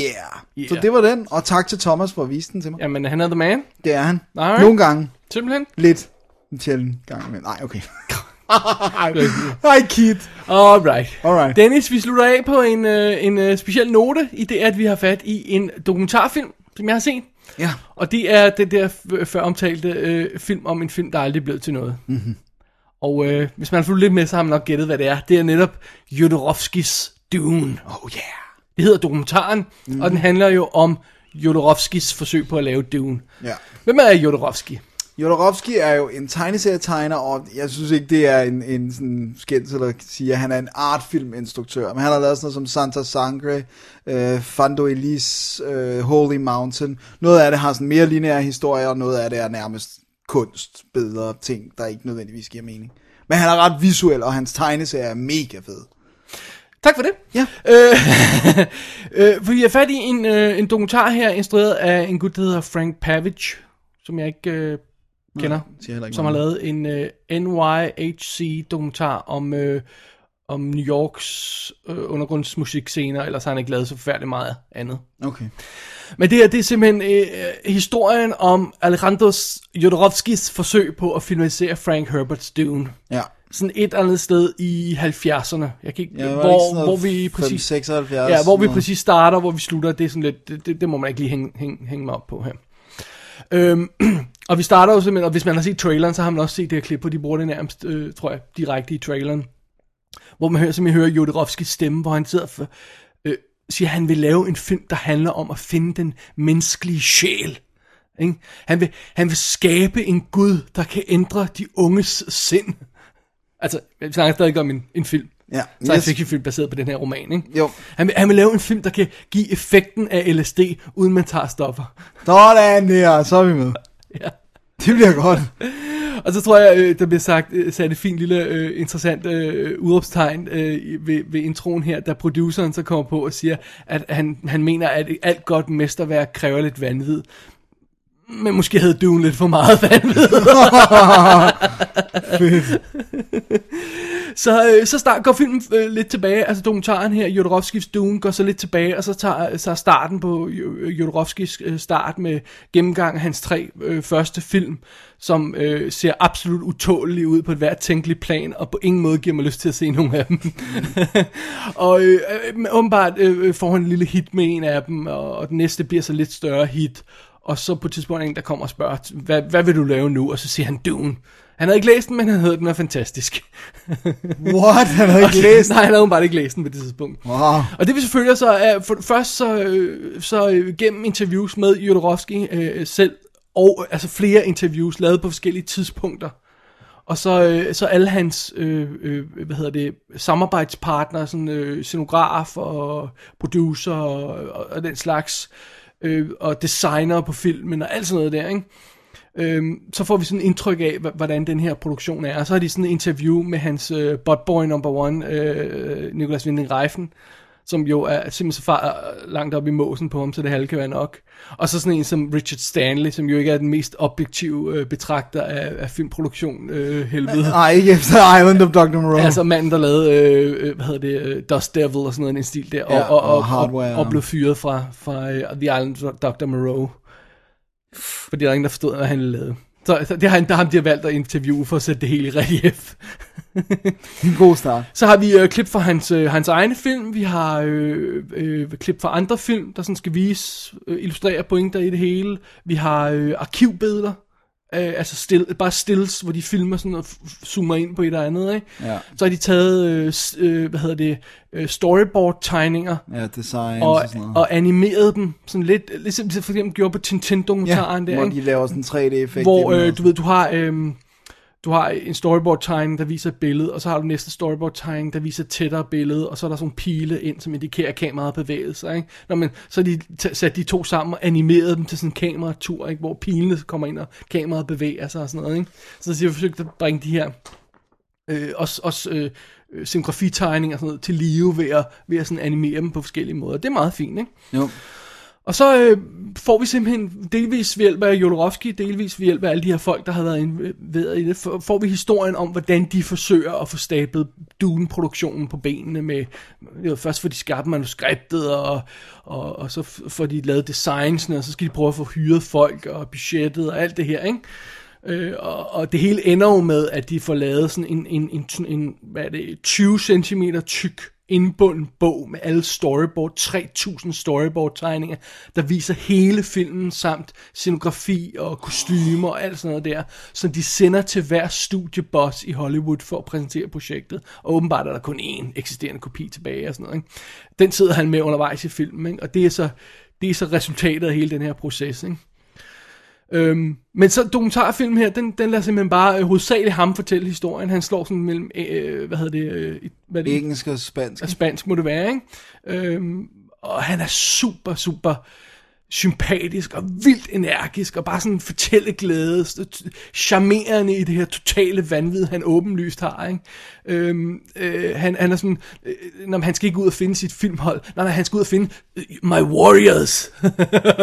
Selvfølgelig. Så tager han over til, til USA og møder med Dr. Trumbull, som tager telefonen otte gange i løbet af mødet, og så siger han, you're not my warrior, og så går han ud af døren, fordi han ikke snakker med Douglas Trumbull. Måske en af de mest geniale effektfolk på det tidspunkt, så sikkert den eneste, der kunne hjælpe ham med at realisere filmen. Nej, nej, nej, så får han fat i Daniel Bannon, fordi han har lavet noget til Dark Star i stedet for, you, you're my warrior! Åh, oh, det er ikke så godt, det der mand. Ej, han, han Jeg forstår, jeg, jeg forstår godt det der med, at han bliver irriteret, at han tager telefonen. ja, ja, men altså, og, og så finder han ud af, om han skal have øh, Dali ombord til at spille den Ma- Mad Emperor, han skal have Orson Welles med, og, og, og, og, og, og Det er awesome. Altså, det er jo en fuldstændig vanvittig produktion, de forsøger at stable på. At noget så langt er en mirakel. Øh, fordi de får så selv brugt nogle penge på at rejse rundt og få lavet de her designs og alt det her, ikke? Øh, altså, den er... Det er håbløst naivt at tro, man kan lave en film sådan. Man kan ikke lave en, kun, man kan ikke lave en film, man kan ikke lave en kunst indie film sådan, Nej. som han forsøger at lave en film. Han er fuldstændig uden nogen form for virkelighedsfornemmelse. Udover at det vil være en umulig film at lave i 1975, så ville det være en umulig øh, film at lave i, i nutiden, på den måde, han forsøger at lave den på, ikke? Jo. Og det er meget sjovt, fordi så begynder filmen så at komme ind på det der, altså dokumentarfilm, Jodorowskis Dune kommer ind på, og, hvorfor blev Dune aldrig til noget, ikke? Og mm. så sidder øh, øh, botboyen, øh, Nicolas Winding Refn selvfølgelig og siger, åh, oh, Hollywood var, var bange for ham. De var, de var bange for hans vision. Åh, oh, Gud. Ej, shut up, ikke? Altså. Ja, måske var det bare, at der skulle så mange Og, penge og han sidder og fortæller om, han er den eneste mand, der har set Dune. Fordi en gang så var han til middag hos Jodorowsky, og så sad han og fortalte om den her bog, han har lavet. Så gennemgår han den fra ende til anden, og sidder og fortæller om, hvad der skal ske. Så han er den eneste i verden, der har set Dune. Ej, hvor han ører tævenbiden, og alt, hvad han siger er forkert. Øh, Nicolas Winding Refn, det, det, det er meget fascinerende. Øh, og alle sammen, så både Jodorowsky og, og Reifen og Richard Stanley sidder og brokker sig over, øh, at den aldrig blev lavet, den her. Der, der, der, der er ingen af dem, der kan forstå, Hvorfor den ikke blev. at man ikke kan lave en ukommerciel film i et kommercielt system. Altså, Ja, til, og som samtidig skal koste et eller andet milliard million. Jamen, jamen det, det, det, det, det, er jo indbygget i ordet. Du kan ikke lave en ukommerciel film i et kommercielt system. Det kan Ja. du bare ikke. Nej. Ikke? Du kan heller ikke lave en undervandsfilm på, vand, eller på land, hvor ingen må have, have, øh, have dykkerdragter på. Det kan ikke lade sig gøre. I det her hedder en undervandsfilm, ergo foregår den under vandet. Eller i hvert fald lader man som om det er under vandet. Ikke? Jo. Det, kan ikke, altså det, er, det er modstridende koncepter, og der er ingen af dem, der kan forstå, at Hollywood afviser hans vision. Og det, det er sådan lidt, det er så der, hvor Jodorowskis Dune, altså filmen, øh, dokumentarfilm, Godt kunne have brugt en anden vinkel. begynder at køre lidt af sporet, fordi den her film, som ingen har set, har influeret alt. Ja. Star Wars, ikke eksisteret uden Dune, der er aldrig blevet til noget.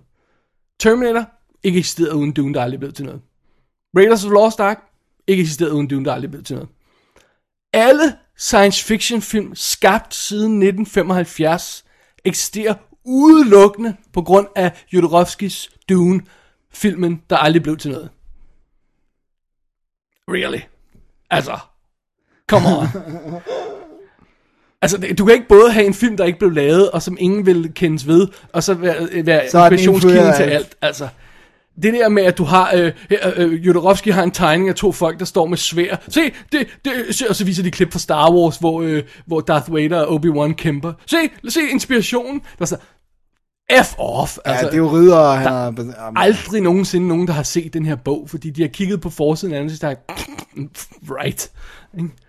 Det er, det, er, det er alt sammen op i deres hoved. Mm. og det er sådan lidt synd. Det, jeg ville ønske, at filmen ikke havde sluttet på den sådan relativt... Note sådan, der. Øh, altså, den er jo nærmest lige så virkelighedsfjern, som Jodorowsky er i, i, i, i selve produktionen af filmen. Øh, det er lidt synd, fordi indtil da er det en fascinerende historie af, hvordan, hvordan de kan nå så langt med det her projekt, uden at der er nogen, der siger, hey, tror, tror I, vi kan lave det? Og, og, og jeg indrømmer, at nogle gange skal man have en, en visionær øh, instruktør, der står i spidsen. Og vi, altså, men det er derfor, vi har Titanic i dag. Ja, Det er fordi en gut som James Cameron, for at presse tingene han igennem. får presset tingene. Han kan gøre det, fordi han kan samtidig sælge noget i den anden ende. Ikke? Mm. Og tro, at en eller anden gut, der har lavet tre kunstfilm, øh, og, og, og en af dem ikke blev, ikke blev en failure, han kan, han kan, øh, og de snakker om et budget på 15 millioner dollars i 75. Ikke? Det er fandme højt. Ja. På, på, Men det er også sjovt det der med, jeg synes, for de lavede en vinkling til, jeg ved godt, han fik den lavet, men det der med, hvor mange problemer Lynch også havde med Dune. Altså det der med, det bare er den ufilmatiserede. nej, de, de, de, får, de får hævet den ind, fordi Jodorowsky har... Altså, Den har han også influeret selvfølgelig. Han, han, han er super sød, fordi han kommer ind, og han, han, han, han nægter at gå ind og se den der film. Og hans søn trækker ham med ind og se film. Hans søn, som i øvrigt skulle spille hovedrollen i, i hans version. Han, og, og så sidder han der og ser det der David Lynch-film, og han bliver så glad. Fordi den er forfærdelig. den fantastiske David Lynch kunne ikke gøre det. Yay! Kæft, det er sjovt. Oh my god. Men altså, hey, det er fedt at se den her dokumentar om, hvor, hvor, hvordan sådan et projekt kan, kan, kan laves, øh, og, og hvordan de kan nå så langt, uden at det, det bliver til noget andet end en bunke storyboards. Men det er synd, den slutter på den note der, synes jeg. Ja. For det er, det er virkelig Fjernt. så, så, så du tror, det er løgn, ikke? Jo. Too bad. Så det, Så det. ja. Men altså, øh, Nicolas Winding Refn, han er jo fuldstændig, han, er, han er, elsker Jodorowsky. og efter sin så er det jo ham, han krediterer med, at han ikke fik lavet de der Hollywood-film der. Han solgte ikke ud, han lavede den der uh, Only God Forgives, i stedet for hvor der er folk, der sidder og mukker i et rum og stiger ind i væggen. Ja, det Og var så, et godt og så, valg. Men så har han sin kunstneriske integritet. Ja, sikkert. Ja, er det, det, det, tillykke med det. Ja, det var flot. Ja. Jeg, jeg, vil- jeg vil gerne bare lige hurtigt indskyde, hvis man Ja. skal se en Jodorowsky-film, øh, eller hvis man gerne vil kaste sig ud i det, synes jeg, man skal se Santa Sangre, som faktisk også har hans øh, hovedrolle i, øh, hans søn i hovedrollen. Den har en helt lineær historie, der er ikke noget sådan, du ved, art over den, og den er faktisk ret fed. Så Held- hvis man endelig skal... Held og lykke med det. Den er awesome. Ja, I'm, I'm sure. Øh, øh, hvad hedder filmen her er ude på, øh, på, øh, på iTunes, kan lejes på iTunes, øh, Jodorowskis Dune. Men den er også, jeg kan ikke huske, om den lige er kommet, eller kommer næste uge. Nej, jeg tror lige, den er kommet på, på amerikansk DVD og Blu-ray combo fra Sony. Og så har den 46 minutters deleted scenes, men åbenbart har de der deleted scenes ikke undertekster. Og det er lidt et problem, netop fordi han hele tiden skifter mellem. Når han bliver rigtig energisk, så skifter han over til spansk i stedet for Jodorowsky. Ja, så er det sgu lidt svært. Øh, Så de har tekstet alt i filmen med ham, altså simpelthen fordi han Også har lidt accent på sit engelske. Ja, Og... øh, man kan godt forstå det, men, men han skifter så hurtigt nogle gange, ikke? No. Øh, han, han, er, han er en virkelig sød, øh, sød person. Man, man, man, får, man får lidt ondt af ham, ikke? Og han, han, man siger, åh, åh, hvis du nu bare kunne have fået den her idé til 2 millioner dollars, så skulle du nok have fået den her film lavet, ikke? Og så måske have droppet Dali Orson Welles, ikke? så, så, havde, så havde vi haft en alternativ udgave af Dune, ikke? Jo. Fordi jeg tror, at de fleste vil våge påstå, at vi stadig ikke har den definitive udgave af Dune. I Lynches. Altså i, i at den er aldrig blevet filmatiseret. Nå ja, på den måde. Øh, selv ikke med miniserie eller, eller hvad Nej. det er, ikke? Nej, miniserien synes jeg, har jeg i hvert fald synes- fornemmelsen af. Jeg har heller aldrig læst Dune-bøgerne, men Nej. den, den skulle i hvert fald komme tættere på, ikke? Right. Så. Oh well. Oh well. Men øh, fascinerende er det i hvert fald. Jodorowskis ja. Dune. En, øh, en lille dokumentar, der er værd at se. Cool. Så det. Så det. Det var, det. det var da den sidste Jeg film, tror det. stak. Ja. Så skal vi jo bare lige have en uh, lille break og kigge mod næste uge. Det er en plan. When that door opens, we're dead. Not if we set things right. What do you mean? This pyramid, it's like a prison. We took the guards' guns, and now the prisoners are running free. To restore order, the guards need their guns. When that door opens, we're gonna give that thing his gun back. Are you crazy? During a big game hunt, the animals been hunted. Don't arm the hunters. They're not hunting us. We're in the middle of a war. It's time to pick a side. We are on our side. We have to consider the possibility that we might not make it out of here. But we have to make sure those serpents don't reach the surface. Because if they do, everything everywhere could die. Det var så det. Det var øh, denne uges show. Show. Og inden vi kigger mod næste uge, så skal vi jo starte med at lige at sige, hvad vores anbefalinger er fra dette show. Åh oh, nej. Åh oh, nej, det er altid svært. Skal jeg starte? Jeg synes, du skal starte. Jeg, jeg synes, uh, man skal tjekke uh, Jodorowskis Dune ud. Så kan ja. man bare spole hen over øh, øh, ham med riffen der, ikke? Ja. Han har kun med et par klip. Men øh, det, er, det er et fascinerende indblik i en film, det synes jeg. Ja, og Så. netop det der med, hvad der skal til for, at det hele falder igennem, ikke? Ja. Det er ikke meget. Det var åbenbart kun lidt penge til sidst. Det er sjovt, ikke? Det er virkelig øh, ærgerligt, ikke? Hvem var det, der- kan du huske, hvad det var for et selskab, der var sådan involveret der til sidst, der hvor det var sådan... Nej, Nej, okay. det må jeg indrømme, det kan jeg ikke. Nej, alright, det er fair. Hvad vil du anbefale? Jeg vil gerne, rigtig gerne anbefale Modern Romance. Alright. Fordi at, øh, det er jo en lille... Sådan, det er sådan lidt en glemt film. Jeg havde aldrig hørt om den. Du har aldrig hørt om den. Så det synes jeg er klart. Og alle elsker jo 10 Things I Hate About You, så den behøver jeg ikke anbefale. Så Modern Romance bliver min uges anbefaling. Alright. Jamen, øh, det var det så. Ja, det var Ja. det. Og Jamen, øh, så er der bare tilbage og kigge mod næste uge. ja, Det bliver et, øh, et øh, almindeligt anmeldelseshow. Måske et lille, et lille et. Det bliver et lille et. Ja. Ja. Relativt lille. Mm. Ja. Og så er vi lige ved at komme ind i sådan lidt sommerferie halløj, hvor der bliver sådan lidt øh, mellemshows igen. ja. Øh, vi er lidt shaky i øjeblikket, men, Ja. øh, men det, det Det har sådan er været det. et, et lidt tosset år. Ja. Og øh, ja, så det er et almindeligt lille show. Ja. Ved du, hvad du se? Nej, det ved du ikke. Nej, jeg aner det ikke. Okay. Det bliver spændende. Okay. Det er altid en overraskelse Jeg ved, lige i jeg, ved, øjeblikket. jeg ved heller ikke, hvad jeg vil se. Nej, så er det jo bare Det er skide meget spændende. Uh, det er spændende. Uh, det er spændende, men det er ikke surprise. det er ikke vi ved surprise. det bare ikke endnu. Ja, det er en anden slags surprise. Det er altså ikke surprise. Jamen, øh, David og Dennis at gmail.com kan man jo skrive en mail til, hvis man brokser over et eller andet. Ja, eller man kan gå på www.dk og klikke på kontakt og udfylde formularen der. Ja, eller join os på Facebook. Ja, Mange sjove ting der. og inde på WD kan man også øh, klikke på arkiv og øh, gå på øh, showen, et episode nummer 166, og kigge om alle de titler, vi har talt om, hvad er det for en udgave, og hvor vi har set den, osv. osv. Hvad Dennis siger. Ja, Ja. det var Ja, det. jeg tror, det er det. Ja, tror jeg også. Tak for i dag, Dennis. Tak for i dag, David Bjerre. Tak for gode film. Øh, øh, Dennis Rosenfeldt. Ja, så i lige måde. Ja, tak. Jeg tror, vi siger tak. Officielt, det bliver her, her. Ja, jeg ved Goddag, og Ja, jeg tror, nu skal vi ud og spille lidt golf. Ja, golf, golf, golf til os. Golf til os. Golf til WD. Tak for i dag. Tak for i dag. Double D's Definitive DVD podcast.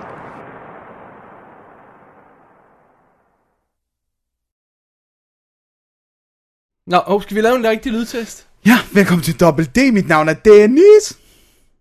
Godt så. Tak, tak, Var det til, en tak god til Dennis.